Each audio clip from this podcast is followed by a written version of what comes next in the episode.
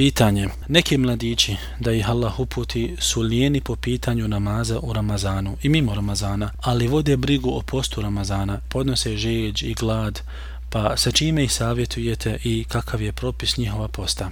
Odgovor. Moj savjet ovakvima je da dobro razmisle o sebi i svome stanju i neka znaju da je namaz najbitniji rukn, dakle sastavni dio islama nakon dva šehadeta, te da onaj ko ne klanja i ostavi namaz iz nemara, takav je po ispravnom govoru kod mene, dakle govoru kojeg podupiru dokazi iz Kur'ana i sunneta, on je nevjernik, nemusliman i to nevjerstvom koje izvodi iz islama. Takav je murted, otpadnik od islama, otpadnik od vjere. Stvar nije jednostavna, jer onaj ko je nevjernik, murted i otpadnik od islama, takvom se ne prima post, ni sadaka, niti mu se prima bilo koje dijelo. I to zbog riječi Allaha uzvišenog kada kaže i njih nije spriječilo da im se primi njihova sadaka ništa drugo do njihovo nevjerovanje u Allaha i njegova poslanika. I zato što ne prileze namazu osim lijeno, dakle lijeni su i što samo preko volje udjeluju. Kada udjeluju udjeluju, udjeluju mrsko. U ovom ajetu Allah subhanahu wa ta'ala je pojasnio da se njihove sadake i njihovi prilozi, iako imaju vrijednost za druge osobe, neće biti primljene od njih uz njihovo nevjerstvo. Kao što kaže Allah uzvišeni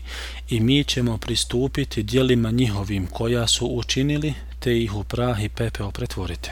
Ovi koji poste, a ne klanjaju, post im neće biti primljen, šta više odbija im se sve dok kažemo da su nevjernici kao što na to upućuje Kur'an i sunnet Allahu poslanika sallallahu alaihi wasallam. Moj savjet ovakvima je da se boje Allaha uzvišenog, da čuvaju svoj namaz, da ga uspostave u njegovom vremenu sa muslimanima u džamatu, u džamijama i ja im uz Allahovu pomoć garantujem da ako tako postupe da će u svojim srcima naći jaku želju za obavljanje obavljanjem namaza u njegovom vremenu u Ramazanu, a i poslije Ramazana i to u džematu sa muslimanima. Jer insan kada se pokaje svome gospodaru, učini teubu istinsko pokajanje, dakle, poslije te teube će naći hajir i dobro više nego što je imao prije teube, kao što je spomenuo Allah uzvišeni u priči o Ademu a.s.